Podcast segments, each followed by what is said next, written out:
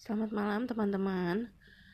Mulai malam ini 25 Januari 2020 akan ada pembacaan Alkitab mulai dari Injil Matius pasal pertama dan kita akan belajar satu hari satu pasal sampai dengan habis di kitab Wahyu.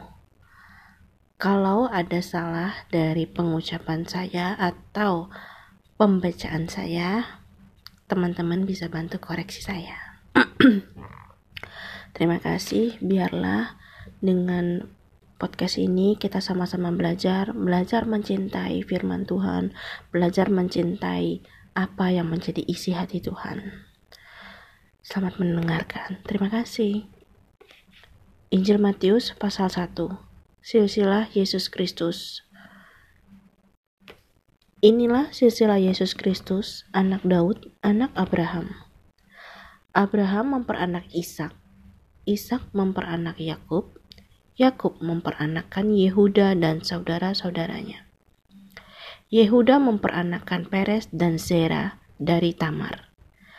Peres memperanakkan Hezron, Hezron memperanakkan Ram. Ram memperanakan Aminadab. Aminadab memperanakan Nahason. Nahason memperanakan Salom. Salom memperanakan Boas dari Rahab. Boas memperanakan Obed dari Rut. Obed memperanakan Isai. Isai memperanakan anak memperanakan Raja Daud.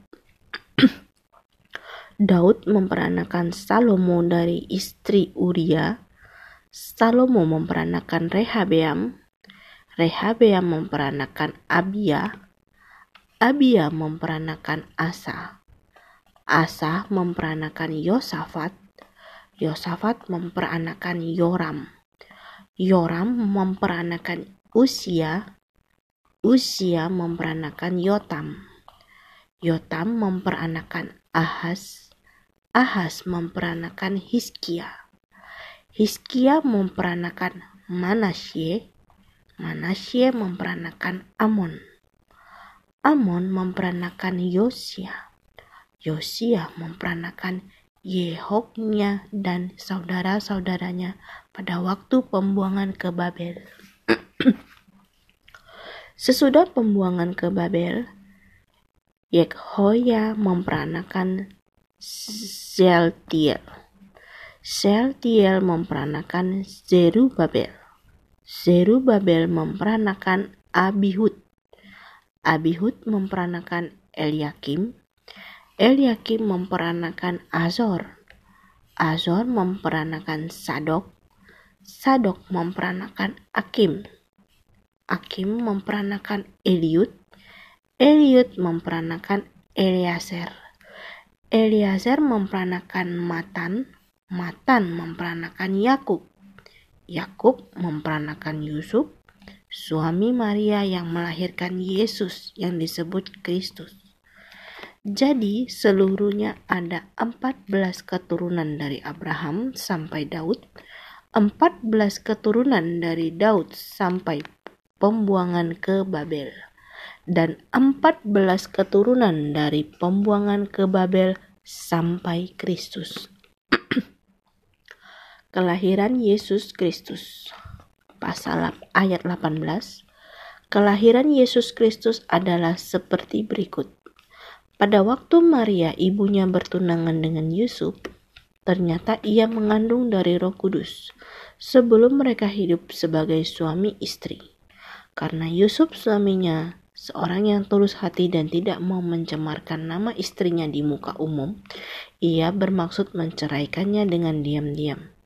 Tetapi ketika ia mempertimbangkan maksud itu, malaikat Tuhan nampak kepadanya dalam mimpi dan berkata, Yusuf anak Daud, janganlah engkau takut mengambil Maria sebagai istrimu, sebab anak yang ada di dalam kandungannya adalah dari roh kudus. Ia akan melahirkan anak laki-laki dan engkau akan menamakan dia Yesus. Karena dialah yang akan menyelamatkan umatnya dari dosa mereka.